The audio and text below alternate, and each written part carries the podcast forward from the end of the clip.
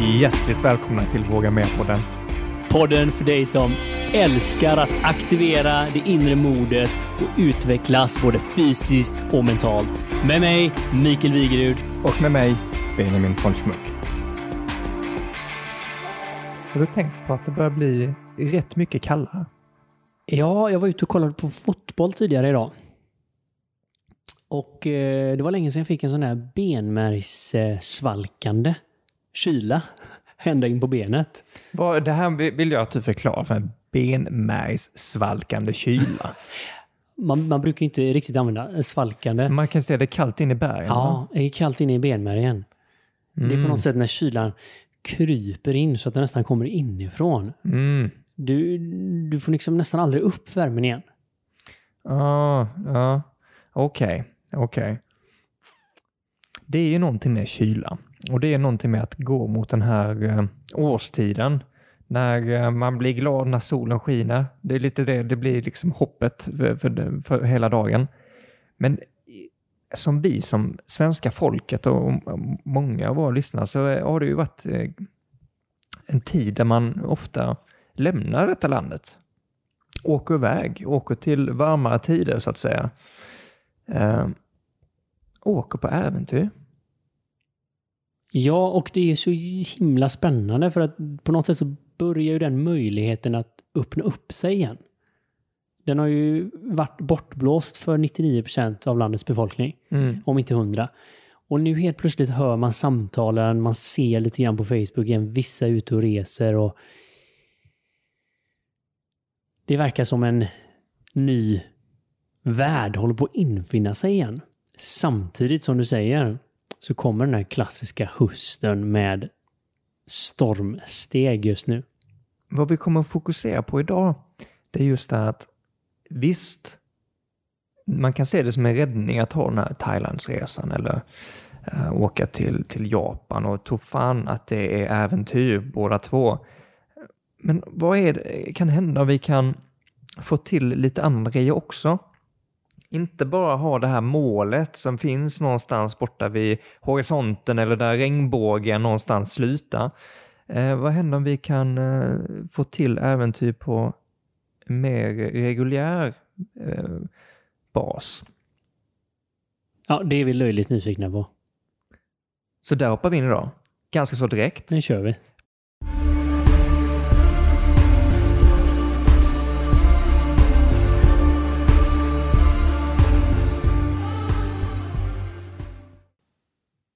Är fan att vi går mot så här mörka tider. Ja, det är sjukt. Det är sjukt vad fort eh, säsongen ändrar sig. Köpte D-vitamin igår. Så här D-vitamintabletter. Ja, Fick mig att tänka tillbaka på när jag bodde i Luleå. Vintern var inte så eh, tjaskig där borta. För man var inställd på att det blir snö och det blir mörkt.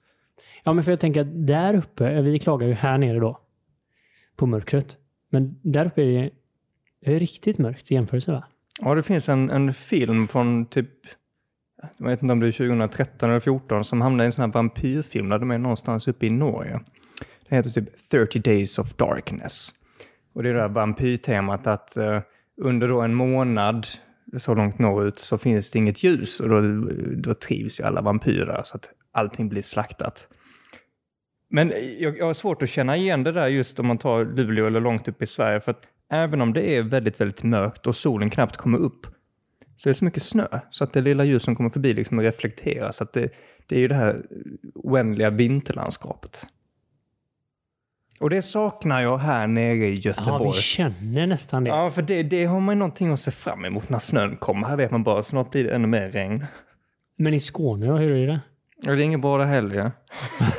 det är lite närmare ekvatorn. Så att, eh, men...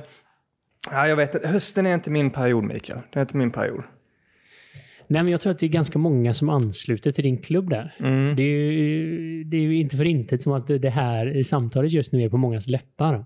Då man har börjat notera att eh, det kanske är mörkt när man går till jobbet och det kanske är mörkt när man går hem från jobbet. Inte riktigt än, men det börjar närma sig den tiden. Det var, det var någon som sa till mig att, att eh, vi hade något bidrag, sån här eh, årstidsdepressionsbidrag i Sverige. Jag har fortfarande inte kollat om det verkligen stämmer, men det, det skulle låta väldigt, väldigt svenskt att, att ha det va? Ja, nej, men man får eh, 25 000. Det är som en sån miljöbilspremie. så man får det om man kan uppvisa att man är årstidsdeprimerad. Ja, det kanske inte är jättesvårt heller. Men det, det, det blir många tankar på det där. Just om semester, när vi har suttit så här isolerade. Um, I alla fall i Sverige nu senaste ett och ett halvt åren. Vissa har ju varit iväg och, och uh, rest lite. Jag, jag I'm guilty to, to ha gjort Jo, det men också. överlag så har det ju varit eh, ett, ett liksom historiebokstema att vara ute och flyga i en sån där järnfågel i luften. Ja, vi är liksom tillbaka på 1700-talet och då kanske man nästan, nästan till reste med, höll på att säga. Förmodligen. Alltså det, det får en att tänka till, för vi har haft så mycket spännande personer i podden som har varit på sådana äventyr.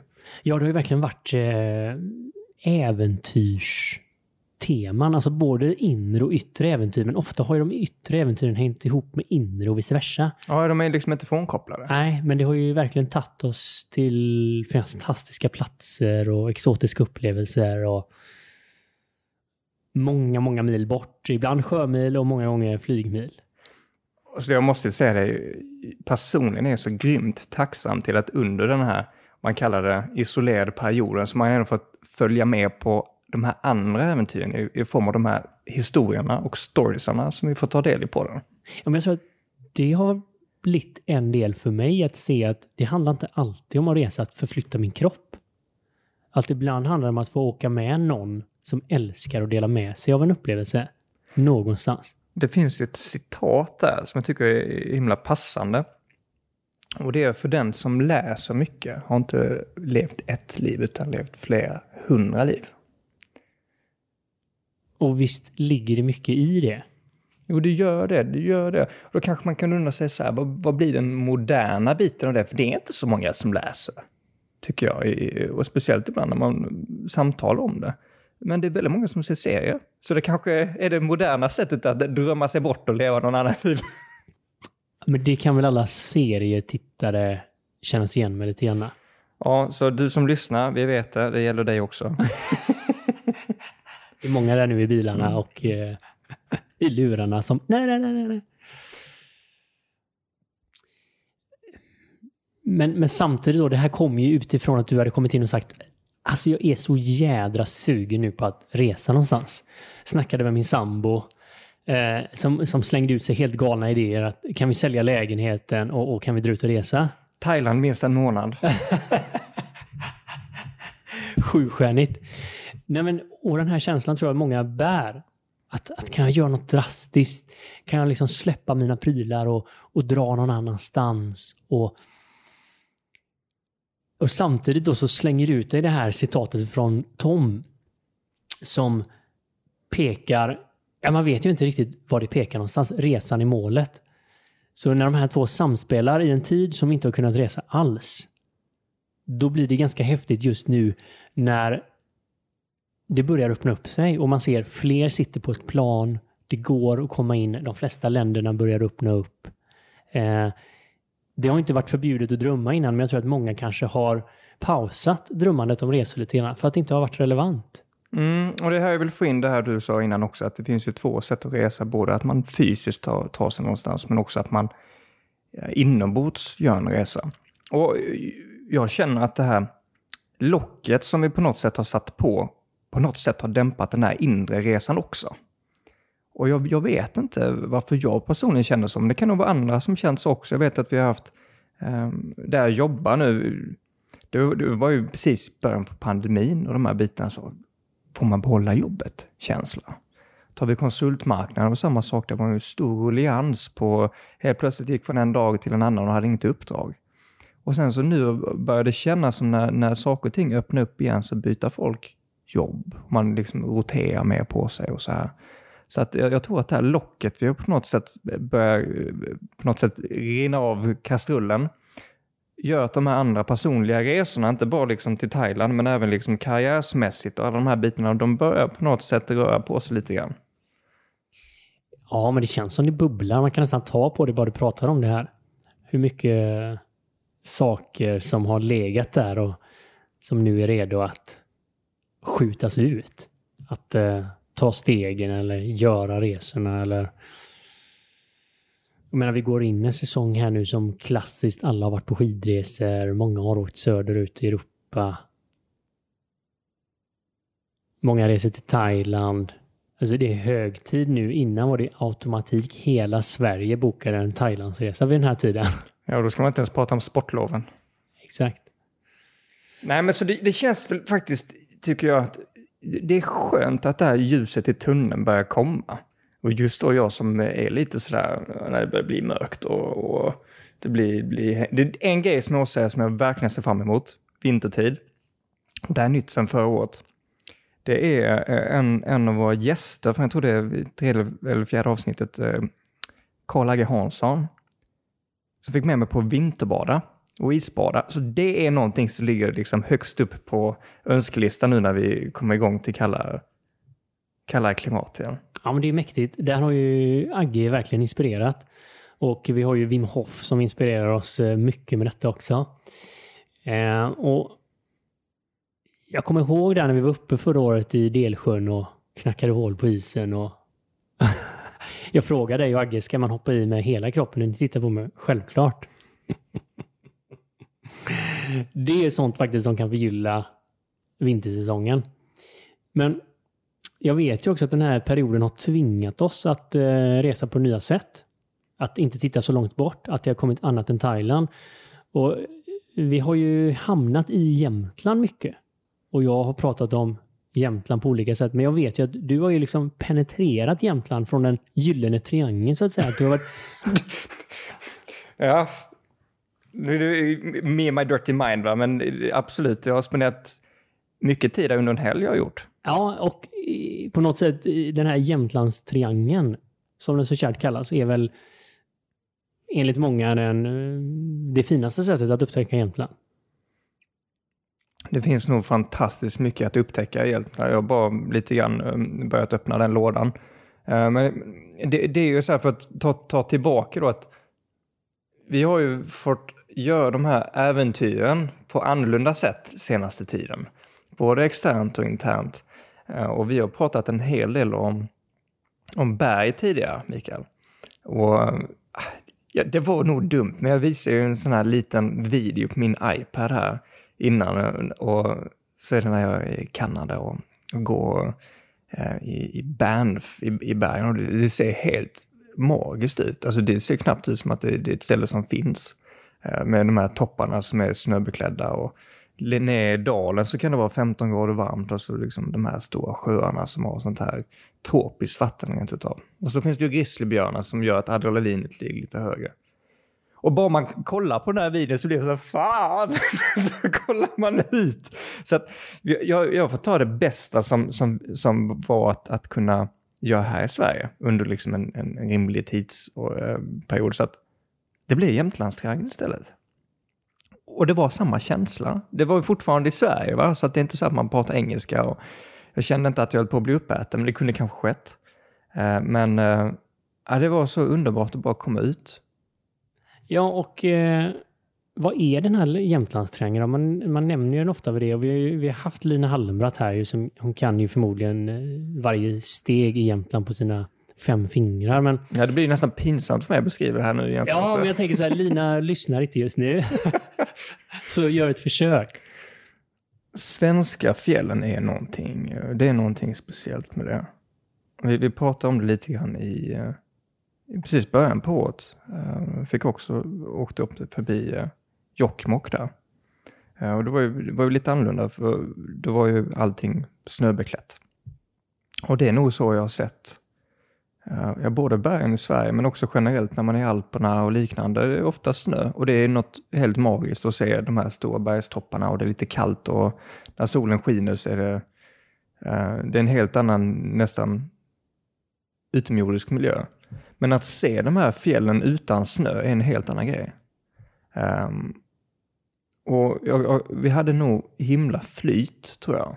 Uh, vid Jämtlandstriangeln är ju då, som det låter, en, en triangel med, med, olika leder som går mellan de här tre punkterna. I varje punkt så har man som man kallar ett mindre hotell, eh, liksom, eh, då, en grupp stugor som man kan bo på och jag tror alla stugor har någon typ av restaurang där man kan köpa lite sånt. Så att det som är så himla trevligt med Jämtlandsterrängen är att man kan promenera då lite över en mil, eller 1,6 mil ungefär mellan de här eh, stationerna, fjällstationerna. Och så kan man bo där. Så man måste inte ta, ta med sig 15 till 20 kilo packning och um, tält och sånt där, utan man kan välja att ta med sig så att man klarar sig um, eh, på en dagstur och sen så sover man där. Men det gjorde inte vi, utan vi, vi tänkte att eh, jag och två kollegor som drog med mig på detta, att vi ska tälta. Och det är lite sent, det här var väl två, tre veckor sedan. Så att eh, vi visste så här veckan innan så var det minusgrader på natten och så här. Men i och med att det är så sent på året så hade vi inga mygg alls. Så att vi hade ganska kyliga dagar, men knappt någon moln överhuvudtaget. Lite målformationer, men det var eh, verkligen riktigt fjällväder. Så vi körde som en weekend. Vi körde upp eh, Eh, med min kollegas Tesla. För det första tänkte jag att det kommer aldrig gå. Elbil upp norrut. Good luck. Vi kommer liksom få soppatorsk, höll på att säga. Fungerade mycket bättre än vad jag trodde det skulle gå. Um, kommer fram ganska sent. Börjar gå från fältstation 1. Um, ehm, och vi vet att vi kommer att hinna fram. Det är minst 1,6 mil promenad och komma dit klockan åtta och man vet solen går ner om en timme och det kan bli minusgrader. Det, då, då, då gör man inte utan vi gick en liten promenad och sen så hittade vi ett vattendrag och liknande vid, vid en bro där vi gjorde kamp för natten. Och det var supermysigt. Det, det började dugga lite grann, det regnade rätt mycket under den natten. Men jag hade lagt ner en liten surprise i väskan så att jag tog upp en sån här typ tetrapackskartong med vin. Alltså inte de här tre liters dunkarna då, det kunde kanske folk trott av mig annars, men en lite mindre sådan. Så att vi satt där och, och mös till det. Och sen så blir det ju på något sätt att är man hemma en helg och vaknar på morgonen så är den här snosknappen, om man ens har satt ett alarm, eh, inte, inte långt ifrån, man kanske stiger upp allt för sent och sen känner man att ah, man har förkastat dagen. Men när man ligger så här precis eh, eh, ovanför trädgränsen och eh, när man vaknar på morgonen, då är man vaken. Dels så är det ju ganska kallt, men dels så finns det ju liksom den här fantastiska miljön precis när man öppnar tältdörren då så snurrar man upp den och så kan man bara ligga och kolla på det. Och det får en att faktiskt gå upp också. Ja, det, var, det var fantastiskt. Jag hade trott att det skulle vara mer problematiskt. Jag hade skadat min fot efter, efter ett, ett träningspass nu när man ska komma igång igen så att säga. Så att jag tänkte att det kanske inte är så jäkla bra att, att gå flera mil sådär nu en helg. Men det funkade jättebra. Vi hade andra kvällen. Då hade vi gått 2,7 mil tror jag. Så vi gick nästan så att vi gick hela triangeln då, på att säga, men vi gick med en station. Och vi, vi tältade då uppe på ett av fjällen. Vi hann inte hela vägen ner. Och så blåste det, så vi tänkte att ja, men vi hittar när det är lite mer lä. Och då hamnade vi i så här eh, mellan 16 till 20 meter per sekund. Och så fick vi minusgrader på, på natten. Så det, det, det, gick från att vara skitfint, vilket det var, till att det blev lite så här överlevnadsmod. Eh, så man, man, kände att man levde kan man säga. Men jag minns det när du kommer tillbaka och eh, visar bilderna och så visar du hur ni har tältat där ovanför trädgränsen på ett fjäll. Så sa du, ja men det började blåsa lite grann. Ja, min fråga, ja men hur mycket? Ja men typ 20 sekundmeter. Så, så tittar jag på det så ser jag lite så här fan det här är något allvarligt. Så vi visade på bilden, och titta här, det, det blåste av ganska många av tältets snören. men, ja, men hur var det här Benjamin då? Alltså, så, så innan, jag kommer inte ihåg exakt vad du sa, men jag tror att du sa någonting med att jag funderade över mitt liv. Nej, nej, så jag, jag gillar hur du sätter lampan på situationen, men på något sätt så det, jag gick och la mig med mina airpods, för så mycket som det lät så gick inte det att somna. Men jag, jag vet, mina, mina kollegor hade nog lite mer problem att sova än jag hade. Jag tänkte så här, blåser tältet sönder så går det sönder, men då ligger jag som typ i, sov, eh, som i, vet du, i en sopsäck istället. Men jag, som en annan som hajkar en hel del på YouTube, om man säger så. Jag hajkar ju hundra gånger mer på YouTube än vad jag gör i verkligheten. Så finns det lite tips där. Eh, att eh, är det riktigt kallt så kan man fylla en eh, sån här lite kraftiga plastflaska med vatten och sätta en strumpa på den. Och sen så kokar man upp det där vattnet innan man häller det i flaskan och så blir det som ett litet element. Så det var någonting jag gjorde och det var nog riktigt bra jag gjorde det för att snacka om att det blev kallt. Ehm, man pratar ju så här om köldfaktor. Ibland känner man ju så här när, när det blåser så blir det kallare. Och det stämmer ju. Eh, för på något sätt så får man bort den här närmsta luften som man annars har värmt upp. Så vi låg ju där på en, med en köldfaktor på runt så här, minus, minus 17-18 grader. Och då hade vi ju kanske inte grejer riktigt för de minusgraderna. Det var sommar fortfarande. Liksom. Ja, ja, det var klart. Alltså, jag gick ju i t-shirt eh, under de varmaste timmarna på dagen. Man blir ju lite svett. Va?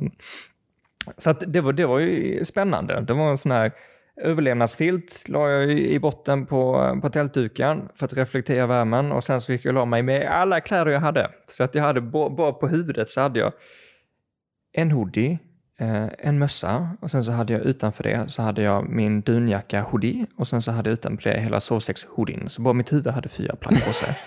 lager på lager-metoden. lager på lager, ja.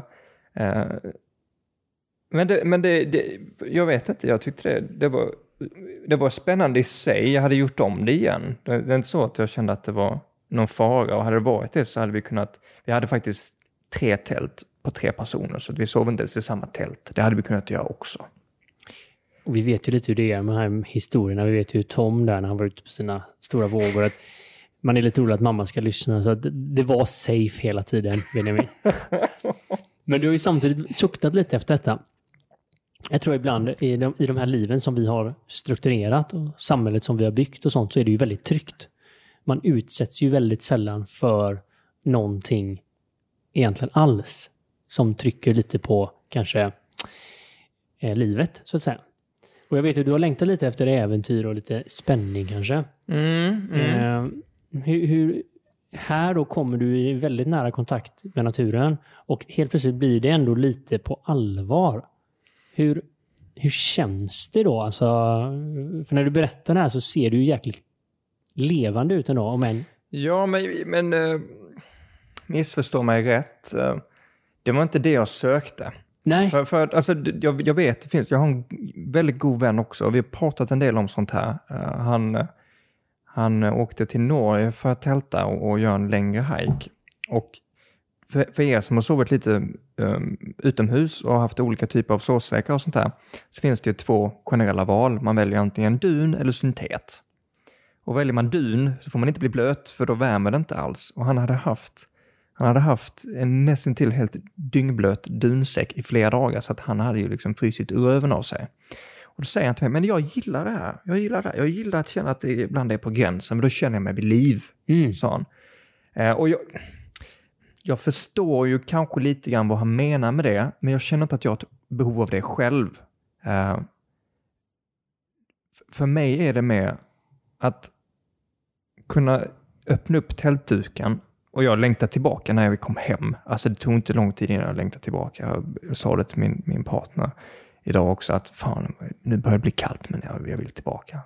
Att kunna öppna upp den här tältduken och så bara se de här bergstopparna och se dalen och helt plötsligt, men det som jag tänker på till vardags med man jobbar och förändringar man genomgår och Eh, saker som ploppar upp och de här små bränderna man hela tiden ska hantera. Oj, shit. Eh, hela USA techmarknadsaktier har ju helt liksom gått i toaletten de senaste veckorna. De problemen där är inte så stora när man är så liten man är liksom eh, i förhållande till naturen. Och hur liten påverkan man har när det, när det blåser 20 km i timmen och man undrar om det här tältet man har som är köpt på Amazon, importerat från Kina, om det verkligen kommer hålla eller inte. Det är rätt mäktigt då, hur liten man blir. Ja, men det är sunt på något sätt att, att få den här verkligheten. Men tror du att vi har tagit bort det här för mycket i livet då? För... Nej, det är inget tro, det vet jag att vi har. Ja, vi har fått bevis på det också i den här podden om inget. Men det är så intressant. Och, och när tar vi bort detta? Det här försvinner ju ganska tidigt. Eh, alltså även ung, barn och ungdomar. Och det är ju det är ju väldigt tryggt. Och komfortabelt. Men, men har vi missat det som, som kanske egentligen då gör oss levande? Och, alltså att vara levande är ju en fantastisk känsla. Det tror jag alla kan hålla med om som lyssnar. Att känna sig genuint jäkla levande. Inte bara att sitta av tid, utan känna att damn it, jag lever. Ja, men det finns nog en gräns där. där att känna sig levande mot att eh, Jag håller på att dö. jag håller på att dö. Ja. Så att jag tror att lite, lite rädsla är bra, för lite rädsla är det här fröet till att känna sig levande. Eh, och vi pratade ju med det här med, eh, med Håkan, när han, han gjorde det här. Kommer du ihåg när han berättade att han skulle gå upp på scen då och, och presentera menyn eh, på engelska? Han var inte förberedd överhuvudtaget och prinsen satt där och, och att det bara liksom blev som en blackout. Så att jag menar, jag tror att vi, har inte kallat att just där och då var det rädsla, men det finns säkert andra grejer man kan ha rädsla för och det kan nästan kännas inombords som att jag dör nu. Ja, ja Även om det inte finns något hot där. Det inte finns något yttre hot, ja. Nej, det tror jag är, är riktigt viktigt att, att säga. Eller man gör bort sig på en dejt. Ja, den största rädslan. Gör bort sig på en Badoo-dejt. Finns Badoo ens fortfarande?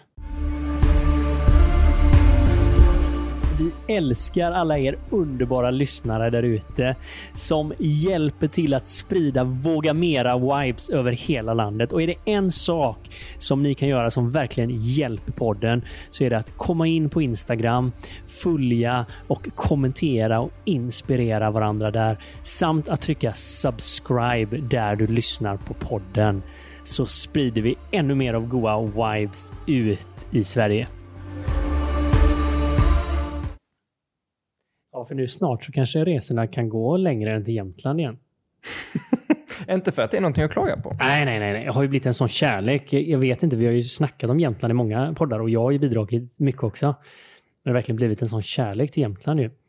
Och det är ju fantastiskt fint vi har det i Sverige. Men är inte det, om, det, om, om någonting vi, vi lär oss av att inte kunna resa längre, så på något sätt så, jag vill inte säga tvingas, men man hittar ju saker i närheten på ett helt annat sätt. Ja, men, och, och det här som du varit inne på nu, att, att känna sig lite levande. Alltså det är lätt förknippat med att man tänker adrenalin hela tiden. Att man ska kasta sig ut för ett berg, en basejumper eller man ska hoppa bungyjump. Så va? Men jag tror så här, det du som kommer hos mig också när du pratar om fjället här. Det är ju den här känslan att vara i naturen. Och hur mycket svårare det är att leva i naturen som människa än vad det är att leva i sin lägenhet med kylskåp och ICA på 150 meters avstånd och mat.se. Och, och det här slog mig så hårt när jag var uppe i Jämtland och tältade senast. Hur... Var det inte då du frågade mig så här, men du Benjamin, är det inte- här lär väl finnas både björnar, hur fan jävlar man ska skita? Och då tänkte jag, men Mikael, du har ju för fan varit i Indien, det är bara ett hål. Jag vet, så här, inne var jag så här lyckligt naiv. Bara, "Ja, men här är det djungel. Liksom, det är, går du ut i skogen där så är det elefanter och tigrar och... och, och liksom, det var så exotiskt, typ, så jag kunde inte riktigt ta det på allvar. Eh, tills jag, jag tror det var, det, jag fick, det gick upp för mig en gång. Så här, det här retreatet, som jag, yogaskolan som jag brukar bo på när jag är där då, i bergen i Himalaya. Eh, där har de också sagt att det är ormar och det liksom springer tigrar och sånt där på nätterna. Och jag har aldrig liksom tänkt på det så mycket. Tills min kompis som var där lite efteråt skickade hur det kom en orm mot ett tält. Och han så här, den här ormen funderar på att äta upp min kompis i tältet. Alltså vi snackar typ en stor, eh, vad heter de, anakondor? Ja, precis. Alltså det- inte, inte en sån här liten kopparorm som nej, du kan nej, ha. nej, en stor, alltså diameter kanske 40 centimeter eller någonting. Det är helt sjukt. Ja, det var helt sjukt. Det var helt overkligt. För jag har ju alltid tänkt att jag ska bo i de här tälten. Och Efter det tänkte du att nej, ja, men då fick jag mig en tankeställare. Jag tänkte, jag- ska se om, inte jag kan, eh, om vi inte kan få upp den här filmen på sociala medier eller någonting. För det, det är helt overkligt. Eh, jag är fortfarande lite sugen på att bo i de tälten. Men jag har svårt att ta det på allvar att den här ormen på då kanske fyra meter lång eller någonting. 40 centimeter i diameter. sugen. Alltså, man, man kan jobba med mycket saker internt, men alltså, man måste ju inte bli den här extrema heller. Nej. Ja. Och så hur som helst så tänkte man så här, men Sverige är väldigt safe. Så när jag tältar då i Ottsjö, Jämtland. Och jag känner mig ändå så här, men jag är typ hyfsad, du vet, friluftsmänniska. När jag väl står där själv eh, ute med mitt tält där och min ryggsäck. Då börjar jag känna så här, hur mycket friluftsmänniska och naturmänniska är du egentligen, Mikael?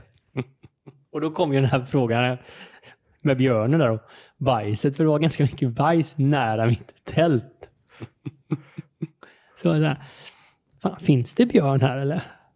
Hur fan ser björnbajs ut? Messar jag morsan va? Jag får googla, kan du skicka en bild på det?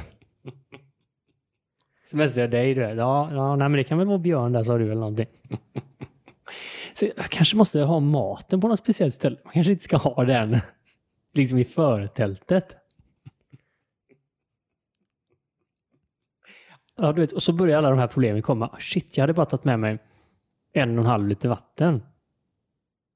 Det är ju slut nu liksom. För jag hade lagat mat och den här soppan krävde mycket mer vatten än vad jag trodde.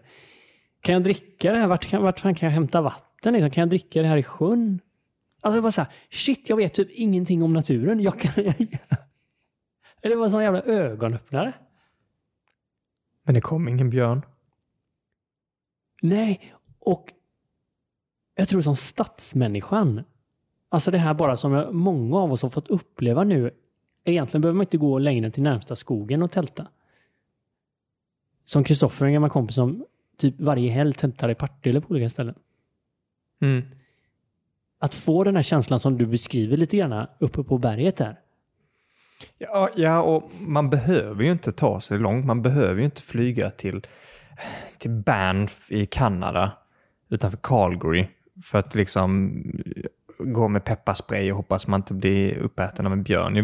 Vissa tycker det såklart det är, det är fräckt, men ja, jag tror nästan det är bättre. Jag har inte kommit dit själv, men som din kompis då, som kör väldigt frekvent. Jag tror att det det är dit man vill komma åt det. Och för att binda lite grann med det vi pratade om där med Visst, äventyr är ett mål, men äventyret är inte att komma fram, utan det är hela resan. Det är liksom när man sätter sig på planet, eller det är när man har förberett sig på något vänster, att nu är det någonting annat som, jag tror att det är mer in, inställning till någonting, men, eh, mental inställning till någonting. Och få mer av det i vardagen som vi har pratat om så mycket här i denna podden. Att, att få bort de här trösklarna för att man ska iväg på äventyr en gång om året, om nu ens egna äventyr enbart är semester, vilket jag kan tycka är lite tråkigt eh, om, om det skulle vara så. Eh, men att få, få till det med på rutin. Ja, För eller det som en del av livet. Exakt. För bara att vakna upp i skogen. En jäkla skillnad från att vakna upp hemma. Eller på en båt, segelbåt, eller för den som har byggt en campercar, eller för den som har åkt eh, till Köpenhamn nu när de öppnat upp och, och bor på hotell där en weekend. Alla de här grejerna är ju äventyr. På Ja, sitt det sätt. behöver inte vara så avancerat. Alltså jag var ute och cykla förra helgen. Inte till Sydafrika. Kanske inspirerad av Sydafrikacykeln, men då tänkte jag jag får göra någonting eget då. Så jag kände att jag behövde bara cykla iväg lite grann, jag behövde ha lite tid för mig själv. Och börja cykla på måfå. Ehm, tänker inte så mycket så jag tar min gamla push.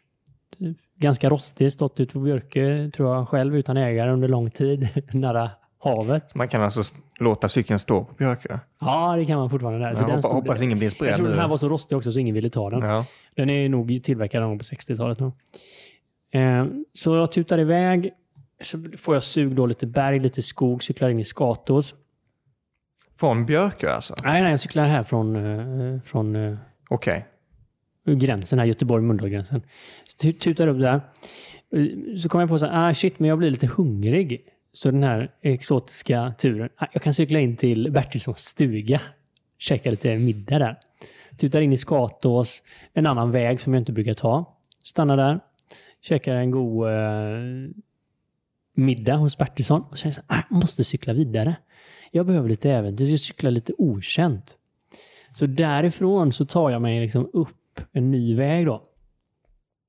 Kommer upp till Kåsjön. Har du varit där uppe?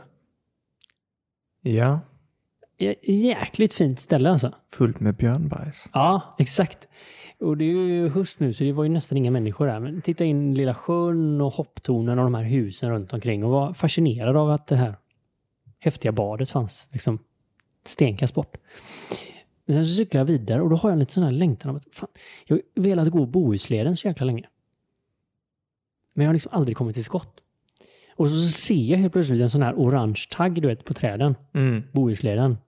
En sån där skärp som sitter på Mm, träden. mm, mm. Det är de, eller så brukar det vara som sådana här, eh, om man spelar kort så finns det de här diamanterna. Det brukar vara sådana, Ja, sådana är det också. Ja. eh, nästan till Så diamanter ser jag en på sån träden. så tänker kan det vara möjligt? Så står jag där, så cyklar jag förbi. Så, så, nej, jag får cykla tillbaka. Cykla tillbaka. Så kommer det en tant där med en schäferhund. Så ser jag att hon går in mot den här stigen. Så står jag ute på vägen och hon går på stigen precis innanför. Och så, nej, fasen Micke. Så ropar jag på henne. Du, ursäkta? Eh, kan man gå den här stigen? Ja, det kan man. Så, är det Bohusleden? Ja, sa hon. Men var kommer man ut på den här någonstans då? Nej, men jag tror man kommer ut i Skatås. Då säger hon. Åh, du vet, så jag bara, min dröm. Min dröm om jag skulle kunna ta en etapp.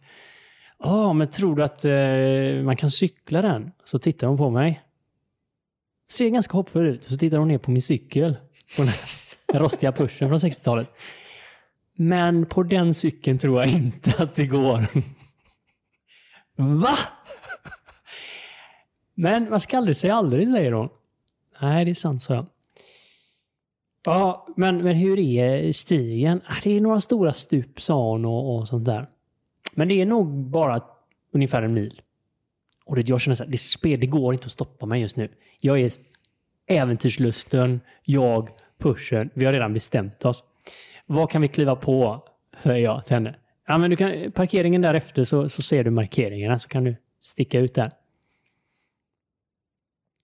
Så kliver jag på här då, Kåsjön. Destination Skatås. Du sitter ju här idag. Så du kommer ju fram. Ja, men det sjuka är att det roliga var att det, det blev den här känslan på vägen. För det var ganska kul. Första 10 minuterna var jätteroligt. Första 20 minuterna var ganska kul. Men sen du vet, det skakar och det brakar och den här cykeln är verkligen inte gjord för den här slingan. Så kanske efter en timme, då börjar jag ändå så här, tycka att jag kommer på lite känd mark. Då, då, då kom jag vilse. Jag fattade helt plötsligt har de här orangea markeringarna försvunnit. Och det är bara svarta. Det är skatos 18 kilometer. Och jag har ju varit här förr. Men jag känner att fan, jag kan inte liksom cykla. Det börjar skymma. Jag kan inte hålla på och cykla här en och en halv timme till. Jag måste komma ut nu. Och jag vill ju ta mig till målet också. Jag vill komma ut på getryggen. Som har varit min vision. Att komma ut Och där. gjort hela etappen. Exakt. Eller en del etapp då. Och då tar jag det här beslutet. Jag får vända om. Jag måste se vart jag kom vilse någonstans. Vart tappade jag bort mig? Kommer det en mountainbike-kille i full mondering, liksom fulldämpad hoj, hjälm på huvudet, glasögon. Så stannar jag honom. Ursäkta mig, så tittar han på mig. Vad fan gör du här? Har du precis kommit in? Nej, jag klev på i K-sjön. Liksom. Han bara, du skojar nu va? Nej, nej, nej. nej. Ja, men vart ska du då? Men jag ska upp på Getryggen. Han bara, jag kommer därifrån nu. Du sitter ute och har en cykel för det? Ja, men det kommer gå bra. Vart är det? Han bara, ja, men du får vända om då så längre ner kommer upp liksom. Och då börjar jag också känna den här känslan som kommer in lite grann. Att allting är inte helt självklart. Allting lirar inte bara.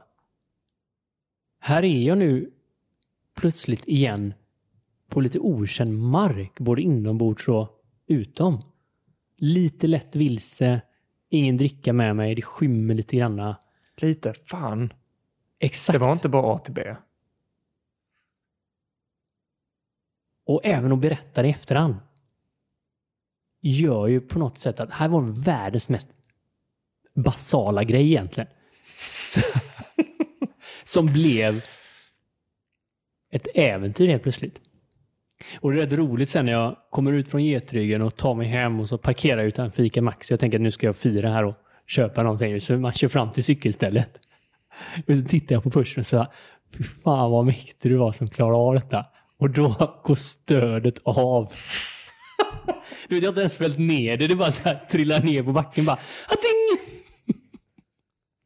Så tänkte jag så här. Det var, det, det var cykelns sätt att säga någonting till dig. Ja. Det var väldigt tydligt. Mikael, för helvete. Det här var för mycket. När man har gjort någonting som, som man kanske inte alltid gör annars, då får man gå och lägga sig lite nöjda med sig själv och med ett leende på läpparna. Ja, det är en helt annan känsla. Och precis som du beskrev, så mycket som tar så stort fokus i vanliga fall tenderar att försvinna i de här situationerna. Ja, och det behöver inte alltid vara så heller. För jag har senaste tiden haft vi, vissa tankar som är ständigt återkommande. Eh, men det är en jäkla skillnad på att älta samma tankar hemma eller att liksom på något sätt vara i en annan miljö där man kanske fortfarande tänker på vissa grejer men har tusen andra intryck som kan påverka en till att tänka helt andra grejer. Nej, och, och det här kan man göra på så himla många olika sätt. Och det är ju någonting som jag... Jag var ju i samma sits och kände så här att mitt liv hade blivit väldigt inrutad. Man säger innan... Innan mitt förändring om man säger så. Men någonting som jag verkligen har implementerat för det, det är att se till att jag har mer tid för liksom, oplanerad tid. Som jag kan använda spontant. Alltså det kan jag planera. Ja, det är det Att som, inte planera. Det, att planera för att inte planera. Det, men det du säger är ju faktiskt så... Ja, det är en sån frihet. Och jag, jag kommer ihåg det från en, från en kollega som heter Erik, för flera år sedan tillbaka. Som han, han gick nitiskt för hans fru var så här, det står en kalender på kylskåpet, det är den som gäller. Och så var jag så här, fan kan vi inte bara en after work? Eller han bara, nej inte idag. Det funkar inte idag. Men det funkar då och då och då. Så hur kan du leva så här? Lite som du är inne på nu Mikael. Hur kan du leva med att ha allting planerat? Så att när jag planerar och när min, min fru och jag planerar så ger det oss frihet. För att vi vet, vi planerar liksom in tid att inte göra någonting också. Men då faller alla de här måstena, eller de här bör göra, speciellt som förälder. Allt är bara går på automatik utan att man prokrastinerar. Och då tjänar vi tid när vi vill ha vår spontanitet. Så. Jo, men det är ingenting som bara kommer och trillar över en. Det tror jag, det måste man förstå. För vissa kanske, men för majoriteten så är det väldigt lätt att hitta på saker att göra. Och planera och, och, och så. Och det är inget fel med det, men för mig i alla fall så försvann ju det här som man har när man är barn och nyfikenheten och att man kan följa väder och vind och vad som händer och tusen andra parametrar som inte går att planera innan. Du får mig, får mig tänka på en, en, en, det var en sån här rolig sketch, en liten bild på en, eh, på en 18-åring som sitter där precis hemma, slutat gymnasiet och bara fan alltså när jag flyttar hemifrån då får jag, ska jag göra precis allt vad jag vill. Jag ska göra vad jag vill för någonting och sen så står det så här Five years later, och så bara, ja, jag har ingen tid längre. Och så liksom tiden bara försvinner iväg på jobb och att göra saker. Den här friheten som man hade då, sa han, jag var fri när jag var ung istället. Ja, det, är- är så man refererar. Alla skyller på något. Ja, ja, så är det. Men här då nyckeln som du säger Mikael, det är att, det är att jag gör mer utrymme för, för det. Ja, men jag hade ju lyxen här, för jag hade själv känt att jag hade trillat tillbaka lite grann, haft mycket att göra under en period. Och det här då som jag hade lärt mig, den hade försvunnit lite den här lärdomen. Så jag kände så här, nej men jag måste rensa upp lite grann. Jag måste frigöra lite tid. Och inte säga ja till någonting. Det är ju folk som rycker i en och folk behöver hjälp och folk vill träffas. Massa roliga grejer. Men jag känner, nej jag behöver bara ha en dag med mig själv. Så den här lördagen säger jag nej till allting. Jag vet inte riktigt vad det här ska leda mig. Men jag får ett sug över att cykla. Det är lite konstigt kanske. Och det är lite konstigt att äta middag själv på Bertilsson. Ja, jag tycker ju inte det. Men jag, jag, jag kan förstå att man, man, kan, man kan tycka det så att säga. Men den här dagen ju, blev ju helt fantastisk. Och innehöll ju så jävla konstiga grejer så att... Men den har nästan känslan som att jag hade varit bortrest i flera veckor. Alltså den får en annan tidsupplevelse också. Jo, men så är det. Och kanske för att sy ihop säcken lite grann. Um, för dagen och ta tillbaka till det här samtalet med min sambo innan idag när vi pratade just om det här med, med att resa och det, är en stark grej som håller ihop eh, hon och jag. Det, det krävs inte så mycket för att man ska komma ut på ett äventyr. Uh, och det, det, ibland kan man känna som att ja, men det var kanske blir lite stressigt eller att man, uh, som när vi körde till Jämtlandstriangeln så körde vi en, en torsdag och var tillbaka en lördag. Och det är ändå 11 timmar bil upp och 11 timmar bil hem. ja, det var jävligt så att, imponerande. Menar, det, det, är liksom halva resan är bara bilfärd. Uh, men när man kommer tillbaka, när vi kommer tillbaka, alltså man, på något sätt så är man ju man är utmattad. Vi hade ju gått flera, flera mil eh, och då gör man ju inte det till vardags. Men på något sätt så är man liksom återställd på något vis. Man har laddat upp något batteri på något sätt som man inte kan ladda upp på något annat sätt. Inte jag i alla fall. Och det är rätt fräckt. Som du säger nu, att du var iväg och cyklade en dag men kommer tillbaka och känner att den här helgen har jag varit iväg mentalt på något vänster, fått, fått vara iväg på ett äventyr som känns som att jag varit iväg en vecka. Och det var lite samma grej när, när vi var iväg i Jämtlandstriangeln, att man kommer tillbaka med ett minne och flera upplevelser som man inte haft innan. Som när man suttit hemma på, på soffan och eh, kollat på, på serier eller eh, Eh, strösurfat på iPaden, vilket händer allt för ofta. Ja, men man, man trampar otrampad terräng. Det, behöver inte vara, det har ingenting med längd och distans att göra. När man utsätter sig för någonting kanske som känns kittlande i magen och man vill. Och man kanske inte har gjort innan.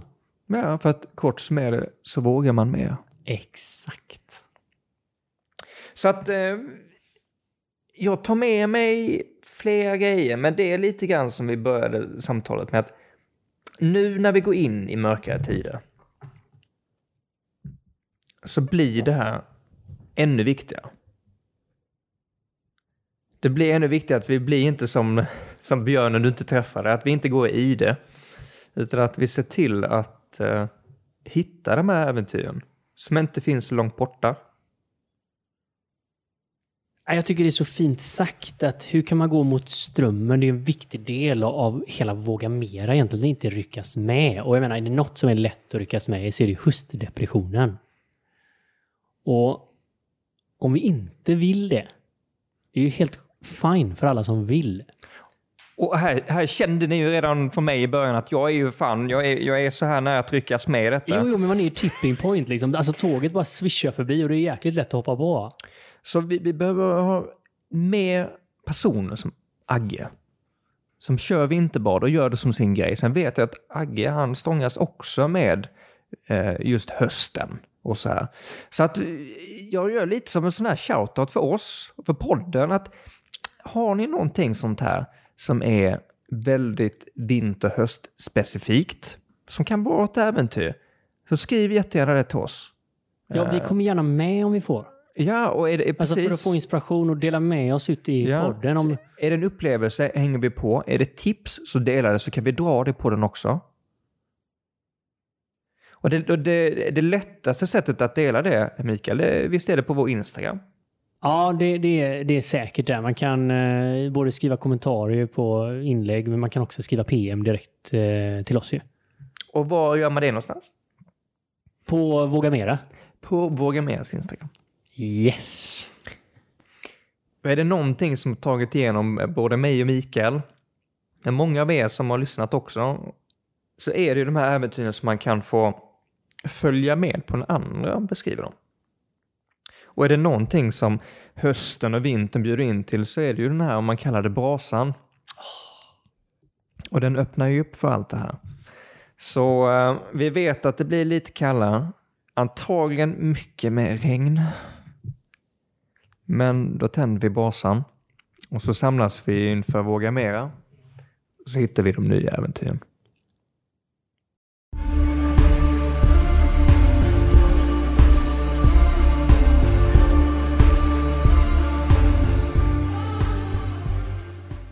Du har precis lyssnat på Våga Mer-podden med mig Benjamin. Och med mig Mikael. Vill du höra mer av oss så måste ni ju såklart prenumerera på podden. Och det gör ni genom att ni klickar i den här klockikonen där poddar finns. Det brukar vara som en, en liten, liten, liten ikon. Så se till att ni hittar den så är ni med nästa avsnitt och nästa igen och nästa igen och nästa igen och ni är alltid uppdaterade. Och är det en sak som vi verkligen tycker om i Våga Mera-podden så är det ju att vi tillsammans engagerar oss. Så in på våra sociala kanaler, kommentera, dela och inspirera varandra. Ha en magisk vecka till nästa gång så syns vi snart igen.